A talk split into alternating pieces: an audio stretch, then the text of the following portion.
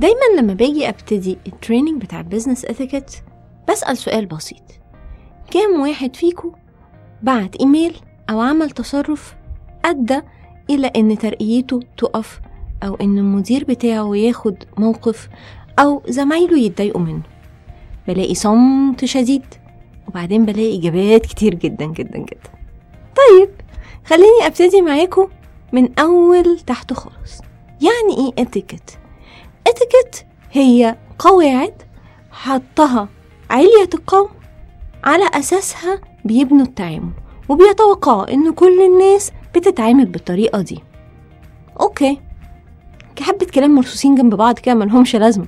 بس إحنا ممكن نقول حاجة تانية. إيميلي بوست رائدة الاتيكيت الحديث ولغاية دلوقتي الانستتيوشن بتاعتها في أمريكا شغالة كويس جدا قالت حاجة بسيطة. وقت ما حياتي بتتداخل مع حياة حد آخر؟ هنا بيتواجد الاتيكيت.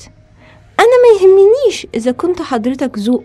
أنا اللي يهمني إن حضرتك تبقى ذوق معايا. فبالتالي الاتيكيت بالنسبة لها كان حاجة بسيطة قوي. إن الناس تشعر بالراحة في التعامل معايا أو في تواجدهم حواليا. وهو ده ببساطة جدا الاتيكيت. إحنا مش هنهتم. إحنا بنقعد إزاي قوي أو بنمسك ال... ال cup بتاع ال tea إزاي؟ لا.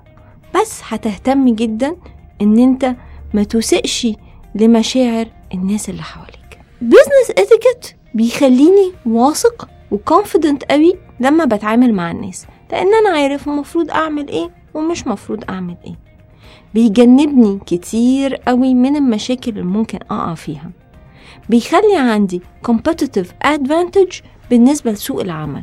دايما بيدي عني انطباع إن أنا شخص professional جدا. طيب إيه الفرق ما بينهم؟ ال business etiquette بيهتم بال hierarchy لكن ال social etiquette بيهتم بال courtesy والكياسة. ال business etiquette ما بيهتمش بالجندر لكن ال social etiquette بيهتم بالجندر ودي كانت الفروق اللي ما بين ال business etiquette وال social etiquette